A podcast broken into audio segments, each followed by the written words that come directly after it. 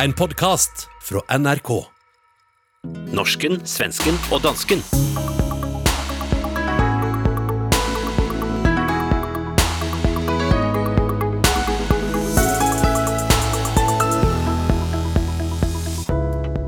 Hva lærte Åsa Linderborg da hun besøgte MeToo-slagmarken i København? Hvordan takle Hassan Preisler nye strenge coronatiltak, og hvad har Hilde Sandvik og Arbeiderpartiets nestleder Haja Tajik til fælles? Svar på dette får du i ukens runde en skandinavisk familieterapi.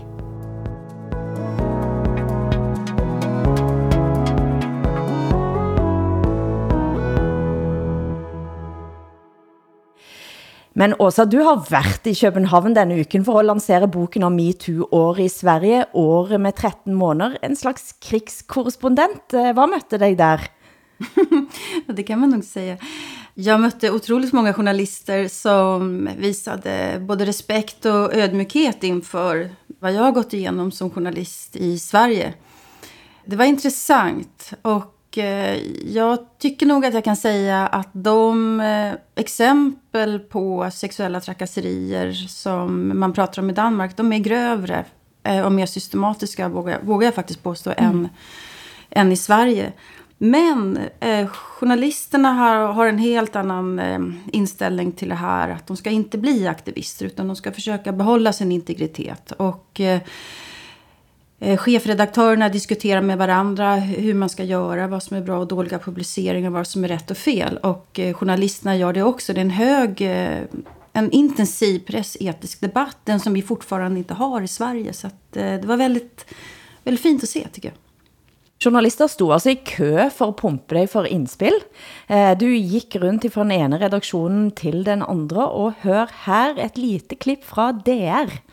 Det er ofte svært for svenske journalister at indrømme deres fejl. Og det er livsfarligt for et demokrati, fordi journalister har sådan en grundlæggende magt, som borgere skal have tillid til, mener Linderborg. Men hendes egen dagbog er også et eksempel på, hvor svært det kan være at indrømme sin fejl i offentligheden. Eh, man, är, man är ensam som journalist när man gör ett fel också. Eh, man blir väldigt... Uh det är väldigt, det är väldigt, väldigt jobbigt. Och i mitt fall, eh, när eh, jag skrev om en man som senare tog sitt liv. Det här är ju någonting jag kommer att tvingas leva med i resten av mitt liv. Eh, och jag vill med den här boken berätta att journalister är också människor. Att det vi gör påverkar oss. Vi har samveten. Alla i alla fall är inte psykopater som man ibland faktiskt kan tro. Vad slår dig som den största skillnaden på Sverige och Danmark eh, efter denne turen också? Ja, Jag vet inte hur jag ska uttrycka det här riktigt. Nu bor jag ju på Södermalm där alla män har någon form av maskulinitetsskam. Eh, I Danmark skulle jag säga att eh, det här med eh, könsrollerna är på ena, å ena sidan mer avslappnade och trygga. Eh, å andra sidan inte heller särskilt... Eh, har inte varit under diskussion heller, tror jag. Jag, jag, jag tror faktiskt att jag eh, vågar påstå det. Och eh, jag menar ju att, att eh, Danmark behöver ha ett metoo. Eh, det gäller ju bara att man ska göra det så, så bra som, eh, som möjligt. Jag blev också förvånad när jag pratade med kvinnliga journalister om vad de har varit med om i sitt yrkesliv. Journalister i min ålder, äldre än jag, yngre än jag. Och det var, det var faktiskt grova saker som gjorde mig beklämd. Och vi diskuterade mycket då. Kan, hur kan man som kvinnlig journalist inte använda sin yrkesroll för att ta hämnd nu? Utan hur kan man fortsätta arbeta med de här frågorna och vara så saklig och objektiv som möjligt? Hvad er det som gør, at de journalisterne du har snakket med, har oplevelser som du betegner som grove, og så har man holdt ut med det? Hade de någon reflektion runt det?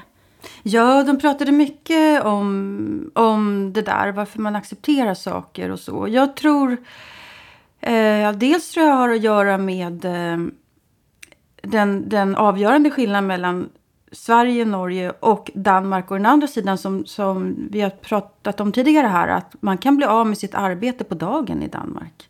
Då är det ganska svårt att varsla eller berätta eh, att man tycker att någonting är fel på sin arbetsplats. Det är det ena. Och det andra tror jag är den här som vi också pratat om. Att eh, kulturradikalismen är som en slags religion i Danmark. Eh, sköt dig själv och eh, var, var inte så, så tråkig och sur och trist här. Utan, eh, och jag är man. Och det var en av de här uh, politikerna som avslöjade sig med men vadå, jag är bara en man. Som argumenterade så. Det skulle inte vara möjligt i Sverige. Eh, och, eh, så Danmark har ju hela tiden pekat på Sverige och tyckt att vi är ett, ett politiskt korrekt idiotland. Och på många sätt håller jag ju med om det. Men, men det här är ju också baksidan då. Att uh, anything goes i, i Danmark. Mm. Vad tänker du om det, Hassan? Har du följt med på Åsas eh, seiersgang genom eh, Danmark? Ja, altså Åsa havde så travlt i Danmark, at hun ikke havde tid til at se mig, men så kunne jeg, så kunne jeg se Åsa på tv, mm. og det har jeg gjort. Uh, jeg tror, ja, altså min fornemmelse er, at det har været meget væsentligt, at Åsa har været i Danmark og er kommet med de advarsler, hun er kommet. Fordi altså der, der er jo mennesker i Danmark, som er interesseret i at bruge det her øh, politisk. Altså mennesker, som ikke har kontrol over deres egen hævngærighed og magtsyge, og altså, hvor, hvor følelserne ligesom bliver dominerende, og hvor alle knep gælder. Ikke? Og det, de her øh, hysteriske stemmer i debatten, de kan jo nemt komme til at øh, overtage dagsordenen, fordi de taler så højt og så skingert, at det bliver dem, der kommer til at få meget taletid. Ikke? Så alle de advarsler, som en, altså et, øh, et kompetent og vidende menneske som Åsa kan komme med, har vi brug for lige nu. Ikke? At der står en svensk feminist, som var en del af MeToo-bevægelsen i Sverige, og siger, pas nu på. Ikke? Det, er, det er rigtig, rigtig vigtigt. Så på en måde har det været en, altså en gave sendt fra himlen, at Åsas øh, bog er udkommet lige nu, og at hun derfor kunne komme til Danmark og tale med alle medierne på det her tidspunkt. Øh, Tycker ja, mit bokförlag också kan säga. Jamen, jeg, jeg er i hvert fald dybt taknemmelig for, øh, for din bog og for din, øh, dit ophold i Danmark. Det er helt sikkert. Ja, ja.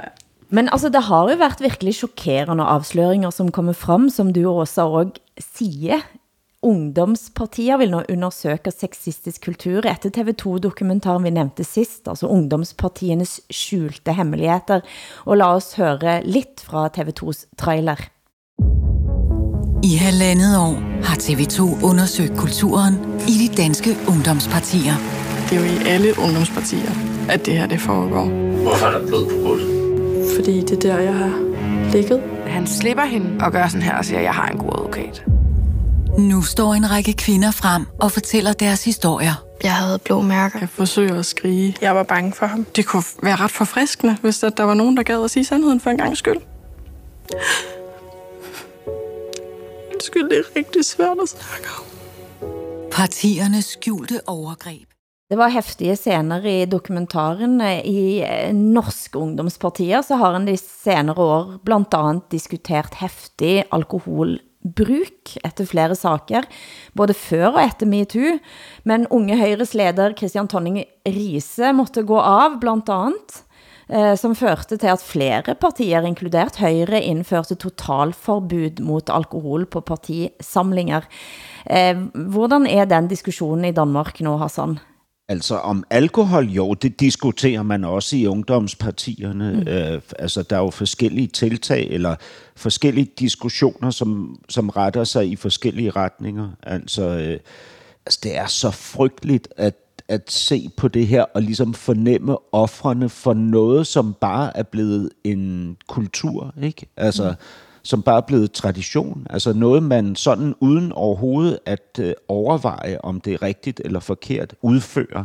Altså man beskriver øh, kvinder på en bestemt måde. Man har nogle traditioner, hvor øh, unge kvinder kan bytte deres undertøj for alkohol. Ikke? Altså, øh, og, og så altså også, hvad hedder det, helt konkrete overgreb, altså krænkelser. Ikke? Øh, selvfølgelig hænger det sammen med alkohol, men, men altså, er det ikke symptombehandling at tage alkohol ud af ligningen? Handler det ikke om en kulturforandring, der skal til?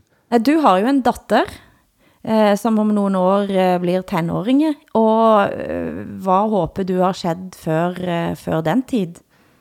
Jamen, jeg, altså, jeg bliver jo, hvad hedder det, øh, bange og, og rasende, når, når jeg oplever det her. Altså, det, det er jo ikke, der er jo ikke mere end øh, 4-5 år, inden min datter skal ud og øh, ligesom forholde sig til sin omverden via sin seksualitet også. Ikke?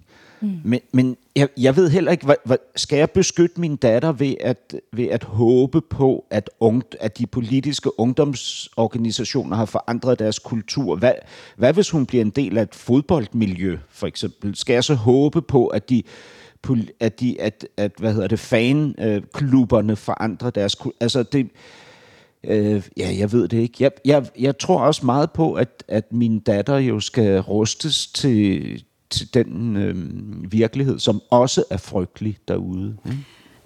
Jag skulle vilja prata om Socialdemokraterna med anledning av den här, ungdoms, den här dokumentären om ungdomsförbunden. Vi har ju pratat ofta om, om dansk socialdemokrati och eh, Mette Fredriksen.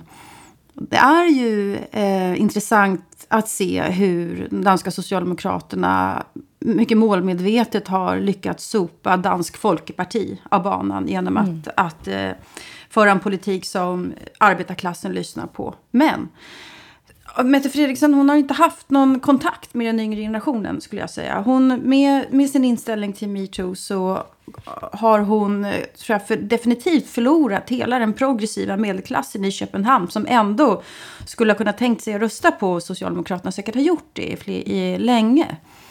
Eh, det är bara knappt 6 procent av de unga väljarna som röstade på Socialdemokraterna i Danmark. Det uppfattas som ett liksom, eh, väldigt gammaldags parti. Jämfört med Sverige mm. och, och Norge som har väldigt många unga väljare. Eh, så jag, jag, dansk socialdemokrati är det intressantaste partiet i hela Norden just nu. Eh, på grund av de här spänningarna, generationsspänningarna och klassmässiga spänningarna. Ja, Hassan? Jamen, altså, jeg, jeg, jeg ved ikke rigtig, hvad jeg skal sige. Jeg, jeg er, er lidt, øh, altså, min stemning er, er, er meget domineret af desillusionen. Altså, jeg, mm. jeg havde set frem til noget helt, helt andet, end det, det endte med at blive. Altså, jeg havde set frem til, at vi kollektivt i det her land ville stemle sammen omkring begreber som anstændighed, ordentlighed, retfærdighed, rimelighed øh, osv. Og det jeg jo ser, det er jo også det, som, øh, som du Åsa, advarede mod for nogle uger siden. Ikke? Det er, at øh, man nu øh, altså i kampen for øh, anstændighed anvender uanstændige redskaber. Ikke? I kampen for rimelighed opfører man sig urimeligt. Ikke? Altså ved, ved at give sig hen til blodtørst og hævngærighed og, og sådan nogle ting. Ikke? Altså, jeg, jeg, jamen, i dag, i, i denne her uge, der må jeg sige, det er dis, disillusionen, der, mm. der præger mig, ikke så meget andet. Det har aldrig gått så tungt at snakke om med, med dere om MeToo. Har dere blivit slitne, eller är det gått tom? Jag har hållit på med den här frågan i tre år och jag är ju traumatiserad av vad jag själv råkade ut för. Eh, så att det här är ju en fråga som jag kommer att få leva med väldigt länge. Men visst är jag trött på det. Definitivt. Du hører norsken, svensken og dansken. Programmet blir sendt i Danmarks Radio, Sveriges Radio og Norsk Rikskringkasting.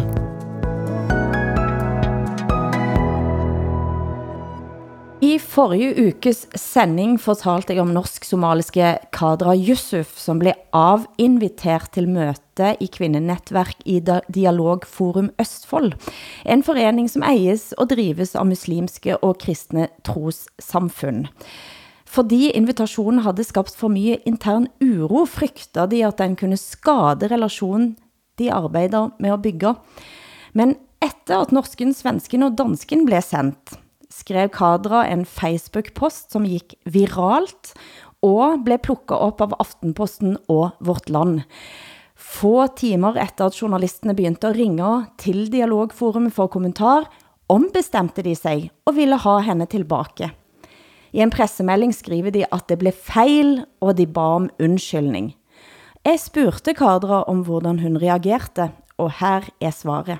Jeg svarte at jeg hoppas at de bruger denne anledningen til å uh, ha en For de hadde krisemøter da, på grund av medierna, men at de heller har møter i, nå og i framtiden om hva slags takhöjd takhøyde dialogforumet har, eh, hvem de inviterer, og eh, hva slags eh, kvinnesyn medlemmene av dette kvinneforumet har. Fordi at jeg er jo helt vanlig menneske og har ikke noe sånn kontroversielle eh, krig gående.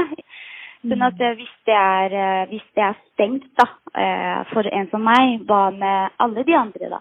Og så skrev jeg tilbake at vi ses om et par år, og da håper jeg at dere har invitert andre stemmer også inn da. Men at det blir liksom, jeg håper at det er, det var derfor jeg sa nei på en måte. Forstår du Kadra Hassan? Ja, bestemt. Altså, jeg synes, det giver så god mening, at hun siger tak, men nej tak. Altså, det er jo helt tosset, det her. Øh, altså et dialogforum, som ikke ønsker dialog, altså har jo udspillet sin rolle totalt. Det er da, det klart, det er da åbenlyst for enhver. Jag hade också tackat eh, nej, eh, definitivt. Det som gör mig glad med eh, eh Kadra Yusuf, det är att hon inte skäms över vad hon har blivit utsatt för. För det är det som är den vanliga känslan när man blir deplatformad. Det är att eh, man skäms. Man, man, kan bli arg, man kan bli ledsen, men framförallt så, så känner man att eh, man, ofta så vänder man eh, liksom det in i sig själv. Och tänker att det är nog faktiskt så att det är mig det är fel på, på något sätt. Eh, jag har nog kanske inte riktigt rätt i det här. Och så vidare. Det är en väldigt vanlig känsla. Du beskriver... Och hon gör inte det, utan hon, hon vägrar att skämmas. Hon står på sig och hon skriver och hon argumenterar. Eh, och det jag också tycker är så fantastiskt det är att de sa nej till henne utan att de skulle veta vad hon skulle prata om. Det var ju inte så att hon hade skrivit ett föredrag som de hade läst och tyckte var hets mot folkgrupp eller någonting sånt. Hon var inbjuden för att prata om sitt eget liv. Eh, och där gick tydligen då gränsen för de som har dialogforum. Det är ganska, ja det är magstarkt. Hon beskriver det som att bli inviterad till en middag og så får man pludselig besked om at nej, du får ikke komme likevel. Og så stiller man spørgsmål, hvorfor får jeg ikke komme? Men man får ingen svar. Jag lärde mig ett, ett uh, nytt ord här i, i helgen, kosetyranni. Ja, det, för det är det hon beskriver. Kosetyranni, hyggetyranni skulle man kanske säga på danska då. Mm. Um, alltså det man ju ligger uh, och, och överväger om natten efter efter et stort hvad hedder det, udskamningsforsøg, det er jo, om de har ret, om man er, mm, om, om man er et mm. rigtig dårligt mm. menneske, sådan mm, som de mm. siger. Ikke? Mm. Det er jo ikke sådan, så man ligesom indgår en forhandling med sig selv, om der er nogle ting, man kunne forbedre, eller blive bedre til, eller udvikle, eller blive opmærksom på. Det er jo ikke der, man er. Man ligger bare og siger, hele min eksistens er uberettiget. Ikke? Och jag är meget imponerad över hennes... Øh, det är jag också. Och jag, jag, under metoo-hösten så var jag själv med om två exempel. När jag, jag, hade varit, jag var först inbjuden och sen fick jag inte komma. Och eh, jag skämdes faktiskt så mycket över mig själv och mina åsikter under metoo. Min kritik mot metoo, så som metoo fungerade i Sverige. Jag skämdes så mycket så att jag eh, inte ens kunde formulera det för mig själv i min dagbok. Så mycket skämdes jag. Mm. Eh, så att det kom heller inte med i den här boken som, som jag nu har skrivit och mm. publicerat. Och det var någonting som jag kom på så här i efterhand. Men herregud, jag blev ju deplattformad två gånger under den hösten. Och jag skämdes så mycket inför mig själv att jag inte ens kunde sätta ord på det. Så stark är den känslan. Och också det där, jag, alltså jag kan huska där jag, äh, alltså där jag i en periode modtog nogle dødstrusler for min kunstneriske øh, mm. aktiviteter. Ikke? Mm. Der, der fik jeg jo, altså det, det værste, det var den oplevelse af at sidde i min lejlighed og tænke, der er nogen, der hader mig så meget, at de vil slå mig ihjel. Ikke? Mm. Jag har också varit med om det. Det är fruktansvärt. Ja. Men Eh, altså, nå, nå høres det ut som en, en konkurrence i hvilke trusler man har fått, og jeg kan ikke skryte på mig så mange, men jeg, altså for min del, jeg vet at det er mange som eh, misliker mig stærkt, eller som vil mene både det ene og det andre, men... Er der det? Jeg, jeg, ja, men jeg bryr mig ikke så mye om det, for at sige det ret ut. Altså, jeg, jeg, ikke for jeg er helt skamløs, men jo, kanskje jeg er lidt skamløs. Eh, fordi hvis man ikke kan ta ind det, som kommer av kritik, så betyder det heller ingenting for mig. Mm, men eh, har du någon gång varit inviterad och sen får du inte vara med, därför att du är du? Eh, jeg har, det vet jeg ikke om jeg er blitt avinvitert. Jo, jeg blev inviteret til at være med. Jo, altså, hallo. Eh, jeg blev inviteret av eh, det norske kulturdepartement for at sitte i ytringsfrihetskommissionen. Mm. Eh, og eh, ja, fordi det er et tema som jeg brænder for, og som er veldig vigtigt for mig. Og jeg blev så glad, at jeg sa, tusen tack, det vill jeg gärna med en gang. Mm.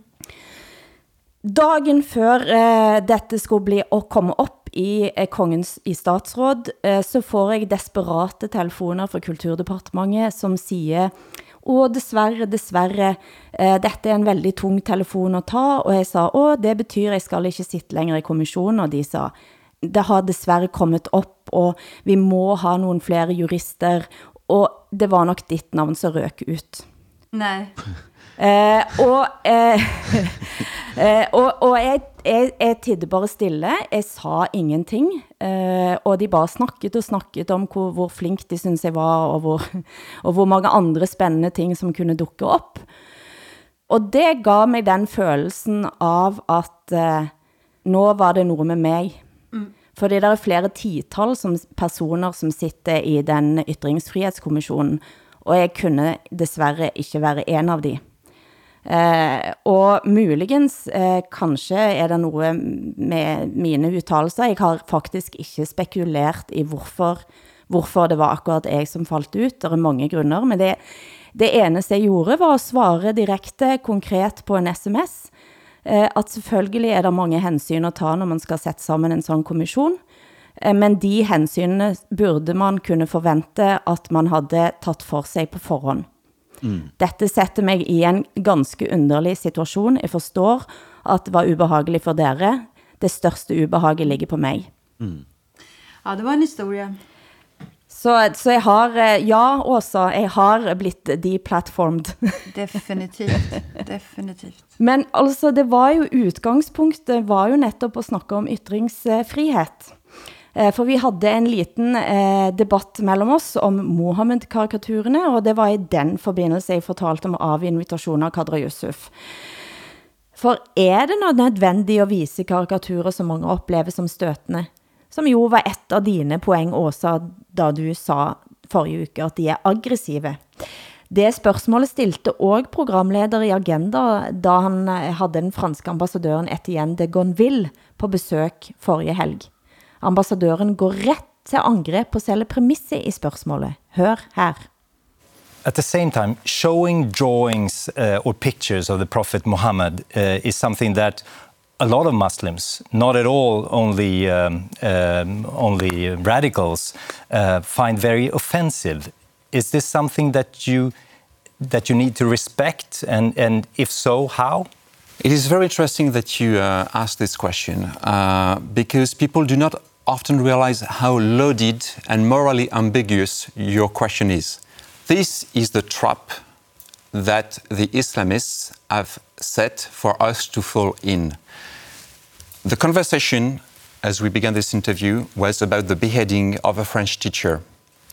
And you are moving the conversation to something else, which is a debate supposedly on religion, uh, on um, insult to religion, on blasphemy, which is not a crime in French law, etc., etc.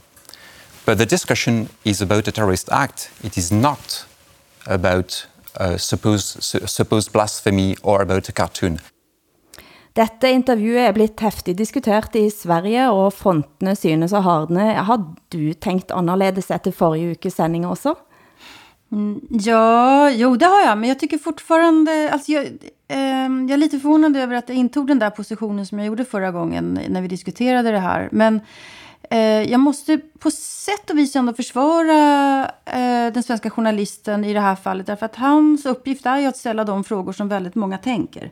Och eh, i Sverige så tänker man eh, på det här sättet. Eh, och jag tycker ju att frågan är legitim även om det bara finns ett svar. Naturligtvis ja. Eh, att eh, man måste kunna visa de här eh, Mohammed-karikatyrerna i, eh, i undervisningen. Samtidigt som jag också kan tycka att det är ett pedagog, man är en dålig pedagog om man inte kan förklara de här bilderna utan att visa dem. Men det spelar ingen roll, då ska man inte prata om dem överhuvudtaget. Om det är det som är egentligen den stora saken. Mm. Förstår du den eh, franska ambassadören här Hassan? Ja, absolut. Øhm, jeg synes, han definerer det meget præcist, hvad problemet er. Ikke? Og, og det han jo definerer, det er, hvad det spørgsmål, altså hvilket udgangspunkt har det spørgsmål. Ikke? Og det er jo klart, at, at øh, som han ser det, så er, så er der jo store problemer i det udgangspunkt. Og sådan ser jeg det egentlig også. Ikke? Jeg synes, øh, øh, øh det, altså, det, det burde jo slet ikke være der, man ligesom stod, når man diskuterede de her ting. Man burde jo stå det sted, hvor øh, jamen, altså, hvor begivenheden hører hjemme. Ikke? Og det er jo i, altså, i en fordømmelse, altså en samlet fordømmelse af, att, att man kan tro det här. Diskussionen lär ju fortsätta nu för att det har ju varit ett, ett nytt eh, terrordåd nu med en kvinna ja. som har blivit halshuggen eh, utanför en, en kyrka i Nice och två till döda. Eh, så det här, det, alltså det är ju, det här är en fråga som vi kommer att tvingas hålla på med i alla evigheter tror jag. Norsken, svensken och dansken med Hilde Sandvik, Åsa Linderborg och Hassan Preisler. Nå trodde jeg at verden var i ferd med at bli på rett kjøl, og jeg hadde vent mig til att ha munnbind på fly og holde avstånd, men ellers leve ganske normalt. Og så kommer jammen med så harde indstramminger, at jeg tænker, er dere seriøse politikere? Jeg får vondt inni mig, må jeg indrømme, av eh, de siste tiltakene i denne eh, koronastrategien. og det, jeg har nå dette familieterapirommet til rådighet, og kan vi snakke om det? Er, er det vi håller på med nu virkelig verdt det?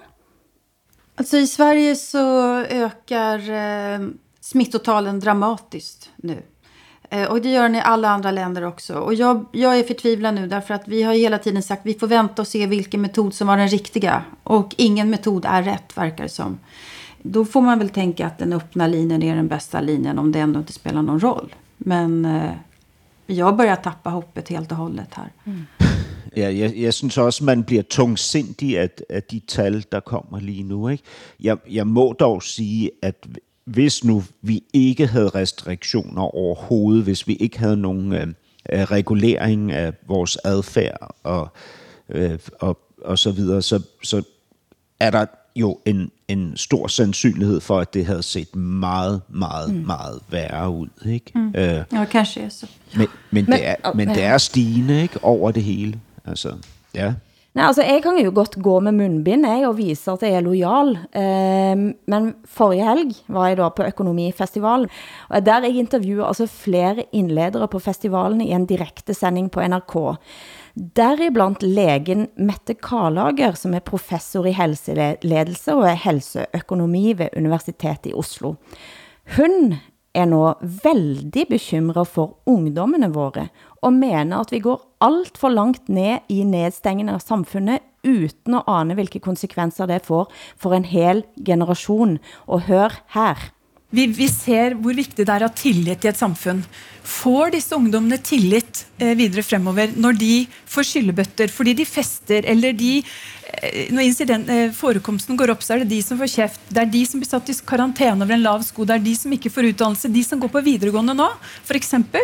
Halva tiden för dem vil være under pandemien. Det vil si at de får et mye dårligere tilbud og undervisning. Hva skjer da videre med den undervisningen? Hva skjer med de som begynner på universitetet? Hva skjer med de som ikke kommer ut i jobb? Det er vår fremtid. Den kostnaden ser vi ikke nå. Den ser vi langt frem i tid. og Derfor så tenker jeg at vi må, vi må tenke oss om. og Så roper vi på strenge tiltak. Og så ser vi, og alle sier at de virker, så ser vi f.eks. i Frankrike, hvor de har hatt strenge tiltak, enda strenge tiltak og enda strenge tiltak. Forekomsten går opp. men vi fortsätter med samma tiltaksrekke. Och då tänker jag det är dålig medicin. När jag som läge ger medicin till ett människa jag ser att det inte virkar så ger jag inte mer av medicinen. Då prövar jag något annat. Det samme budskapet kom Iona Hies med da hun deltok i samtale i regi av Litteraturhuset i Bergen. Hies har vært president for Royal College of General Practitioners, og hun har fått det britiske imperiets orden intet mindre. We've got this terrible league table. We lead it, so you know we're the champions. Really, we're certainly the champions of Europe in terms of COVID deaths. But it, and it's become a political liability, and therefore you you do such destructive things, destroying people's livelihoods, ruining people's childhoods. All this is happening to try and keep people alive for longer at a terrible price to children and young people. Men altså mer medicin, og det virker ikke. Hva, altså det resonerer med hvordan jeg har begynt känna føle det, og når læger etter hvert kommer på banen med denne type utspel, bør ikke vi och politikerna då lytte? I Sverige har vi lyssnat väldigt mycket på, på den medicinska experten och Folkhälsomyndigheten. Och, så jag kan inte säga vem man ska lyssna på längre. Det är motstridiga uppgifter och... Eh, alltså I Sverige så säger ju nu Folkhälsomyndigheten att de är chockerade över att, att eh, siffrorna rusar i, i taket så snabbt. Men bo, den bekymringen som både Karlager och HIS kommer med här om att detta vill komma till att präge och ödelägga för en hel ungdomsgeneration. Eh, det är en debatt vi nästan inte har, eh, i vart fall inte i Norge. Mm. Nej, inte Sverige riktigt heller eftersom gymnasierna håller öppet eh, mm. nu i alla fall. Och, alltså, jag, ja. jag måste säga, jag, nu, nu får jag ungdomen på nacken igen, ikke? Men, men altså, jeg må sige, jeg synes, det er lidt dramatisk at formulere det sådan, at vi er ved at destruere en hel generation af unge mennesker, fordi de ikke kan gå ud och dricka alkohol sådan som de plejede att göra. Ikke? Fast det här handlar inte om att dricka alkohol, Nej. utan det här handlar om att, att idrotta, mm. att, eh, att dricka, att gå på café ihop, att ta på varandra, eh, gå på bio. Alltså det är mycket olika saker som man kan göra som ung som inte har att göra med att dricka alkohol. Jag är oroad över, över utbildningsnivån också. Eh, nu har jag träffat eh, tonåringar i, i Köpenhamn just eh, som inte kunde gå på gymnasiet på flera månader. Och de, de berättar, alltså det är studiemotiverade ungar men de mm kunde inte koncentrera sig och de oroade själva över vad de har förlorat. Alltså jag, jag, jag syns nu, nu min, min datter är ju inte teenager ännu. Hon, är, hon blir 11 år nästa gång. Alltså jag syns att det för oss i hennes familjer är uppgiften att pröva att skapa ett liv för henne som innehåller de mm. ting, som hennes liv tidigare har innehållit, men i nya ramar, på nya måder, ikke? med nya øh, med, med nye mindre grupper, med altså anderledes former for motion, en anden måde at uddanne sig på, og så videre. Men, men altså, jeg har tenåringer, og jeg ser, hvordan de strever med at klare at opretholde det, og det siger ner et mismot over de, som jeg aldrig har sett før, og det skrämmer mig. Det förstår Visst. jag godt. Men sen också den här dystopiska känslan, alltså vart är världen på väg? Nettopp. Alltså att ja. växa upp i en tid när man... Eh, när allt egentligen bara pratas om i termer av katastrofer och på sätt och vis också är det. Alltså eh, klimaångesten som, många, klimatångesten som många unga människor har. Coronan som gör att man blir rädda för varandra. Mm. Man knappt liksom vågar umgås. Och sen på detta, den här mun eh, binden som jag nu upplevde i Köpenhamn. Det, det, är bara en illustration av att människor är så rädda för varandra eh, Eh, nu på sätt som vi inte har varit på, på decennier, eller kanske någonsin egentligen. Och eh, det, att växa upp i det där, det är klart att det kommer att påverka en hel generation, deras mentala liksom, uppfattning. Men det kan jag sagtens se. Alltså, det ger ju riktigt, riktigt god mening. Eh, jag kan ju också märka det på dig, Hilde, när du talar nu, att du, att det är allvar. Ikke? Men jag tänker bara, alltså, jag, jag, jag tror slet inte jag tör ge mig hen till den där dystra, dystopi. Altså, det, det, det er jeg alt for bange for at gøre. Ikke? Fordi hvor, hvor skal kræfterne så komme fra, hvis, øh, hvis vi ligesom giver slip og, og hvad hedder det, lader os synke ned i sortsynet. Ikke? Jeg synes, ja, der er meget at bekymre sig om. Ikke? Den norske roman Jeg havde en opvækst næsten som min egen av debutant Per Marius Weiner Olsen. Den har skapat overskrifter i Norge de sidste ukene, forlaget oktober. For danske og svenske lyttere er det Knausgårds forlag valgte å avslutte samarbetet med forfatteren efter att ha fått kendskab til, at han blev domfældt for at utnytte sin stilling og begick övergrepp i 2003. Forlaget ville heller ikke trykke flere eksemplarer av boken, og den planlagte promoveringen på bokmessen i Frankfurt blev avlyst. Forlæggerforeningen mente dette var fornuftig, og her hører vi administrerende direktør Heidi Austlid på Nyhetsmorgon på NRK. Det som er spesielt med denne saken, er at den gjensidige informasjonsplikten som både forfatter og forlag har, den mener forlaget at her er brutt. Altså det er et tillitsforhold som er brutt. Og da gjør forlaget en etisk vurdering i etterkant som, av en utgivelse som de kanskje ville ha gjort før utgivelsen om de hadde visst. Og det mener jeg er klokt at forlaget gjør nettopp det. Tidligere domfellelser er jo relevant om du eh, skal ha spesielt tillitsfulle verv, enten det er å jobbe med barn i politi eller som advokat, som jo krever at du leverer det som på norsk heter vandelsattest. Hva heter det på svensk og dansk? Vandelsattest. Vet dere det? Ingen aning. Nej, det ved jeg heller ikke. At man skal levere en, levere en attest på, at man er skikket for uh, jobben. Jeg, jeg tror på dansk hedder det en ren straffeattest. Ja, ja. netop. Mm. Men altså det at en kunstner skal avkräves at levere vandelsattest, hvad tænker du også? Ja, vad heter författaren nu igen? Han heter? Per Marius Weidner Olsen. Just det, just det. Jag tycker att det här är så otroligt intressant. För att jag förstår ju att förlag, alltså, att, att Oktober förlag eh, känner sig, att de förlorar sin tillit till sin författare. Alltså om han skriver en bok om sexuella övergrepp Eh, och sen så visar det sig att han själv är dömd för sexuellt övergrepp och det vet inte förlaget om. Så kan jag förstå att det blir en, en knäck där. Det, det, det fattar jag. Den andra frågan, eller den frågan som jag ställer mig, det är skulle han... Och det här är en bok som har blivit unisont hyllad också. Mm. Att, det, att det är väldigt bra litteratur. Skulle han någonsin få ut den här boken om han berättade att han själv har varit utsatt för ett Uh, han har både varit utsatt för ett övergrepp och han är en övergripare. Jag tror inte det. Han skulle nog aldrig fått ut den här boken. Og nu har det været en utvikling i saken.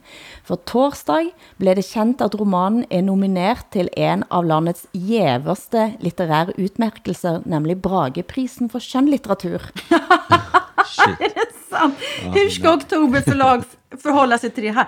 Tänk om det vinner och de ska aldrig mer trycka ett enda exemplar. Och tänk värdet på den boken, att vara en som äger den här boken. Altså, vilket samlarobjekt.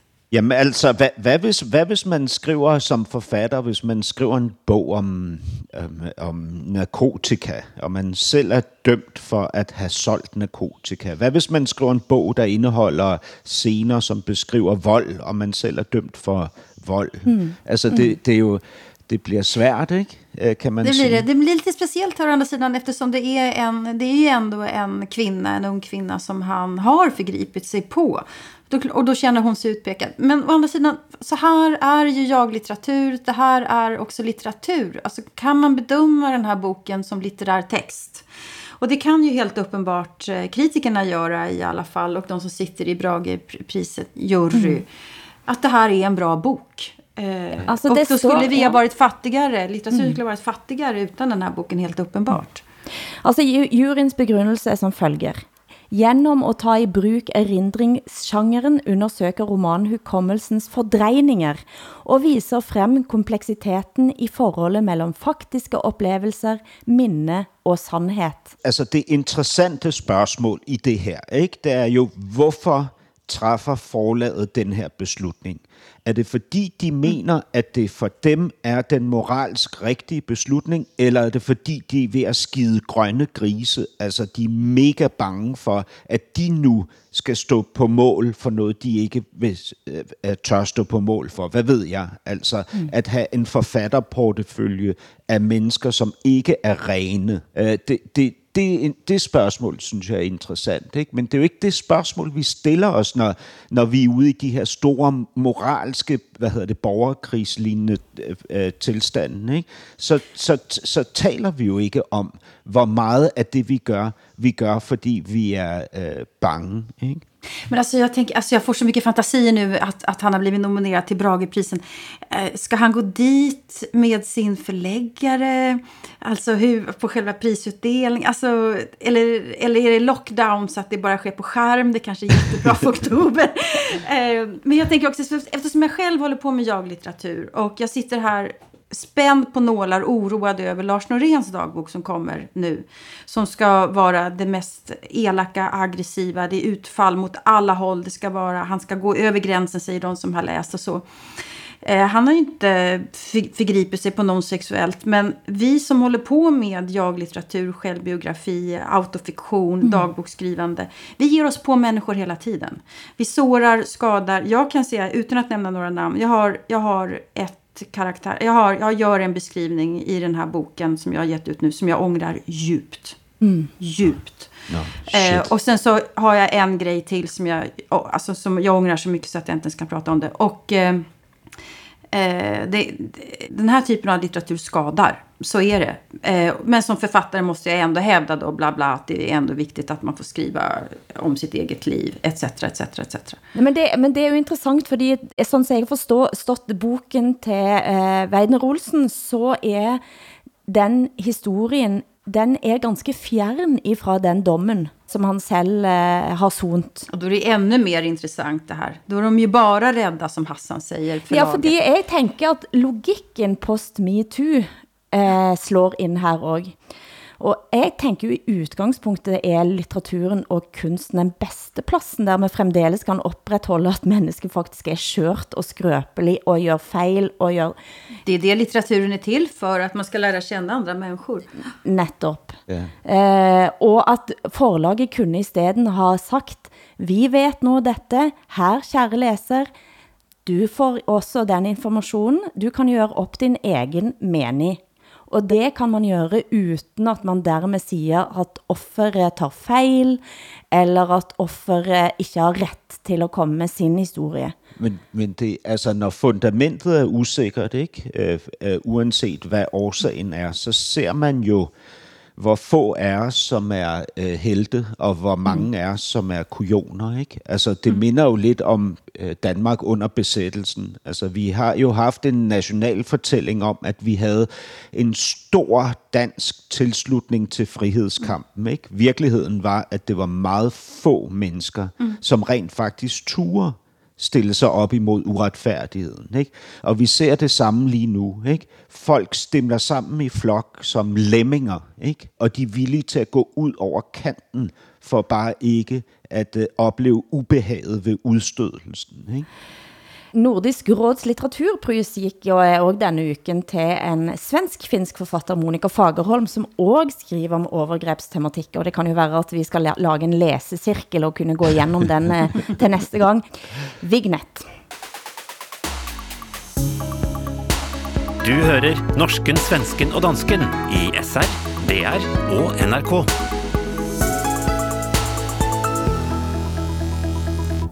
Nylig kom APs nestleder Haja Tajik ut med boken Frihet, en politisk och personlig historia. Men det vi i Norge nu har diskuterat en hel uke är coveret. Här sitter hon bredbent i en grön speilfløyelsdress och med stiletthälar. Något som fick eh, fakultetsdirektör vid Universitetet i Stavanger, Caroline Holmbo Höjbo, till att skriva i Stavanger Aftenblad, att hon fick associationer till Fifty Shades of Grey, og mene at Hadja sætter sensuelt forførende blik i oss, og dermed ødelægger for politiske budskap i boken. Har du sett det bildet også? Ja, och jag måste säga att det här är något av det dummaste jag har hört eh, på väldigt länge. Då får man ändå höra rätt mycket dumt. Det är fantastiskt. Jag tänker också, eftersom jag själv är en vänstersinnad kvinna då, vi som är det, vi får ofta höra eh, att eh, vänsterns kvinnor är så, är så osexiga och så tråkiga och så fula och inte tvättar håret och inte kan klä sig och bla bla bla. Och så finns det en kvinna här som är skitsnygg. och så tycker om att gå i höga klackar. Ja, då är det också fel. Det spelar liksom ingen roll hur, eh, hur man gör. Så, så finns det förväntningar om hur man ska vara. Och det är alltid fel. Jag fattar inte hur man kan attackera en annan människas kläder överhuvudtaget. Det är faktiskt pinsamt. Jamen, jeg har altså, det på fuldstændig samme måde. Det er simpelthen noget af det mest vanvittige, jeg har læst. Ikke? Ja. Også forestillingen om, altså, at hun overhovedet forestiller sig, at hun har ret til at blande sig i, hvad et andet menneske Ja. tager på af tøj på coveret af sin bog. Altså hun må fuldst... På Danmark siger man, at hun må have tabt sutten. Altså, øh, og, og det er det helt rigtige begreb. Hun må have tabt sutten. Men jeg må jo også indrømme at jeg læste denne kritikken af Haja, så tænkte selvfølgelig på Helle Thorning-Smith og stempelet Gucci-Helle. Og jeg spurgte tidligere fagforeningstopp Tina Ørvik Huggenberger, som var i den nære kretsen rundt Danmarks første statsminister, hvordan hun reagerte. Ja, jeg blev faktisk både chokeret og fuldstændig målløs. Øh, Helle thorning Schmidt har jo gudskelov betydet, at vi er kommet et stykke videre i den diskussion. Men den måde, Helle Thorning blev behandlet på, på grund af sit udseende, og det at få øgenavne på grund af sit udseende, øh, og specielt øh, at venstrefløjen, som jo skulle stå for at være liberale og progressive, at de falder ned i sådan en stigmatiseringshul, som, øh, som giver kvinder et meget snævert rum at agere i. Det siges at hun sparker op døren til kontoret på, til Socialdemokraternes Freddy Blok, som først satte navn på henne. Gucci Helle skal da ha sagt, du skal krafte med ikke kalde mig for Gucci, bare fordi jeg ikke går rundt og ligner en sådan pose lort som dig. Oj! Det var da ret sjovt sagt. Ja, hvad, men, men det her handler jo også om, at man på det tidspunkt i, i, inde i Socialdemokratiet, øh, fra den fløj, som er øh, den fløj, man vil beskrive som den økonomisk venstreorienterede, der prøver man jo at kategorisere hele Tornings kaffeklub. Ikke? Øh, og når man siger Gucci Helle, så er det jo ikke kun for ligesom at fortælle, at hun er en kvinde, der går med en taske, altså at hun klæder sig elegant. Det handler jo om, at man vil placere hende over i den del af Socialdemokratiet, som danser kinddans med kapitalismen. Ikke? Og, det, og det er jo sådan nogle ting, man ligesom leger med, når man så presser dem derover i billedet. Ikke? Pratar ni inte i, i eh, Norge om Armani-demokraterna, Jens Stoltenberg, de där välklädda? Ja, og det minner, minner jo om det du selv har kaldt dig selv da også, Sancerre-marxist. Har jag sagt det? Du sa Det stämmer gott. det stämmer bra. Had, Ha- Hadia Tajik har eh, slått knallhardt tilbake denne uken, eh, og skriver blandt andet, jeg hadde skjønt om anklagen kom fra en litt konservativ pakistansk mann. Ha, håret er fritt, og halsen er åpen. Men den kommer fra en kvindelig norsk akademiker. Hun synes jeg burde være mer konform. Og Åh, det, det. Nej, det var ett bra svar. Ja. Ja. Mm. Der, der sker Helt- noget med de her paki- pakistansk-norske og somalisk-norske kvinder. De er, de er meget seje. Mange lyttere takker mig for at dette er det eneste prateprogrammet, som ikke snakker om amerikansk politik. Denne uken tænkte vi at gøre et lite undtag, siden det er valg på tirsdag. Jeg hørte nemlig på Bakklok på danske P1 på lørdag, hvor de kom med følgende konstatering, som overrasker mig lidt. Jo, det var min gode ven Asger Aumund, ja. der stadig tror, at Trump vinder. Som den eneste efterhånden. Ja, han spiller også øh, tennis med sin kasket, sin uh, Make America Mag- Great Again. Mag- ja. Men øh, det sjove ved det er jo, altså, han- han er jo fast, altså, øh, stadig går rundt og tror, han vinder er jo sjovt. Men altså, øh, det, det interessante ved ham er, at han er jo en- næsten den eneste, ham og Kenneth Christensen Bern, der er jo stort set de eneste i Danmark, der tog at sige offentligt, at de, de øh, tror på Trump. Stemmer det, Hassan? Er det bare et par danske eksperter som tror at Trump vinner? For sånn er det ikke i Norge, vil jeg påstå. Her er det mange som tror at Trump fremdeles har en chans til å vinne, inkludert undertegner på en eh, litt dårlig dag. Vad tänker dere? Nå, men jeg tror godt, man kan säga at, man, at, man, at der stadig er en chans for, at Trump kan vinde valget. Ikke? Altså det, det synes jeg da ikke er specielt farligt at, at sige. Altså, men, men jeg tror også, øh, jeg tror også stadig, der er en chance for, at han kan vinde. Och og det er jo især, øh, hvad hedder det, at øh, Biden er så håbløs, som han er, øh, som giver Trump chancen. Ikke? Altså, fordi Biden är ju, vad heter det, en deciderad katastrof. Nu senast så kallade Sleepy Joe Donald Trump för George fyra gånger.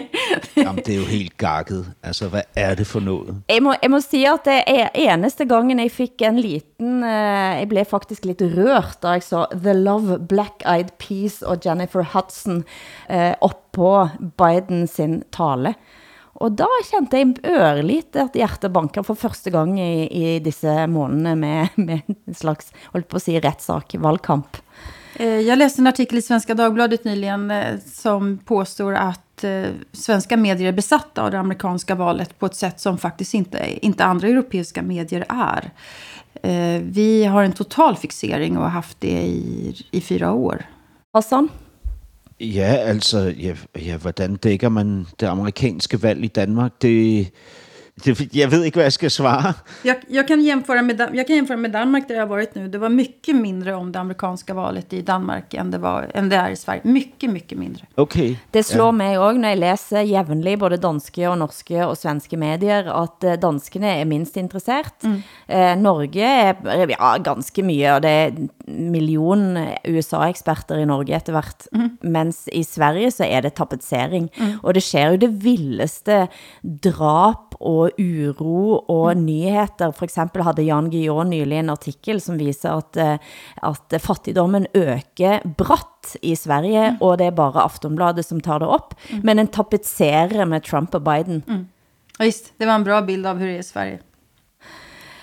Hold deg fast, Hassan, for her kommer en gladsak. Dagens Nyheter gir Greta Thunberg redaktøransvar for en dag. är det det som ska till för att du ska köpa DN, Hassan? Nu dog Hassan. altså en, en, øh, en hyperaktivist som øh, chefredaktør for et dagblad, altså det er, hvad hedder det, jamen altså hvad, oh, lærer vi ikke noget overhovedet? Okay, kom corona, kom og tag os alle sammen. Vi, vi har ikke fortjent at være her. Det er simpelthen, min, min desillusion bliver jo ikke, hvad hedder det, reduceret af at møde frem her i dag og få alle de her triste nyheder fra verden. Den tristeste af dem alle sammen er jo nærmest, at øh, hvad hedder det, et stort svensk dagblad får en hjerneblødning og vælger en aktivist som øh, chefredaktør. Altså, hvad sker der, Åsa? Ja, nej, men det, är, det här är så, så intressant för att eh, DN har eh, blivit väldigt, väldigt kritiserade för det här. Ja, och God. de har också blivit kritiserade av bland annat eh, Svenska Dagbladets chefredaktör Anna Karihed. Eh, och det är ganska ovanligt i Sverige att chefredaktörer kritiserar varandra. Det händer liksom inte. Men eh, det här är en viktig diskussion. Eh, ska journalister vara aktivister? Vi har ju sett det i så många andra fall. Med metoo till exempel. Men här, och nu är det då klimatkampen. Men samtidigt som det här pågår så pågår det också för första gången en diskussion runt om i världen kring de här stora progressiva eh, medelklassopportunistiska tidningarna, så skulle jag uttrycka det mm. faktiskt. New York Times, eh, Washington Post, The Guardian. Vad går skillnaden mellan news och views? Mm. Sen kan man, det har ingenting med, för mig har det här inte med Greta att göra. Det här, jag gillar ju Greta Thunberg mycket mer än vad Hassan Preisler gör. Men eh, det här handlar om vad jag tycker är, vad är publicistik egentligen. En dansk-svensk politisk sak. Rasmus Paludan fick för några uker sedan påvist sitt svenska statsborgerskap. Och vi kan höra ett kort utdrag från ett intervju han gjorde med ett högerextremt alternativmedie på Youtube. Hör här. På fredagen tog du del av ett beslut från Migrationsverket som förklarar dig som svensk medborgare sedan 1989. Hur känner du nu efter den här resan? Alltså man får ju säga att eh, min tanke som var att svenska polisen bröt svenska grundlagen. Det var ju sant, för de bröt regeringsformen där det står att man inte får neka en svensk medborgare inresa i Sverige. Så jag känner ju att eh, jag hade rätt hela tiden, men jag hade inte så mycket tvivel om det. Alltså jag kollade ju lagen, så jag, jag var säker på att jag hade rätt. Han har inte bara blivit svensk statsborger, han snakker nå og svensk. Kanske något för mig och dig att lära något där, Hassan, för att bli förstått av svenska lyttere. Men nå har han altså annonsert at han vil inn i den svenske riksdagen. Har han en eh, chans også? Nej, men han har ju ingen chans i hela helvetet. Alltså det, det, det, det går ju inte. Men, eh, men det, jag är fortfarande förvånad över att han nästan kom in i det danska parlamentet. Men i Sverige, nej. Jamen lad os se. Altså, øh, da I spurgte mig for nogle måneder siden, om vi i Danmark ville blive ramt af en MeToo-tsunami, så sagde jeg under ingen omstændigheder. Ikke? Og lige så kategorisk er Åsa i forhold til Rasmus Paludan. Jag lovar dig att, og, den här Paludan inte kommer en, in en plads i det svenske riksdag. parlament. Lad os se, når der er valg i Nej, vi Sverige. är andra pajasar här. Vi är egna pajasar. Men han taler godt svensk. Hans far er svensk. Tycker du det? Ja, gør, eller ja, for en, for en dansk taler han da rigtig godt. Nej, jag tycker han ska gå svensk, sätta honom i SFI. Svenska för invandrare innan. Det var sista ordet i ukens sändning. Producent för programmet är Henrik Hylland Ulving. I Sverige Åsa Linderborg. I Köpenhamn Hassan Preisler. Mitt namn är Hilde Sandvik i Bergen. Vi hörs igen om en uke.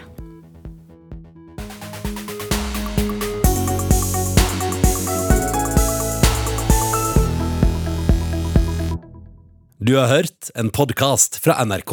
Hør flere podcaster og din favorittkanal i appen NRK Radio.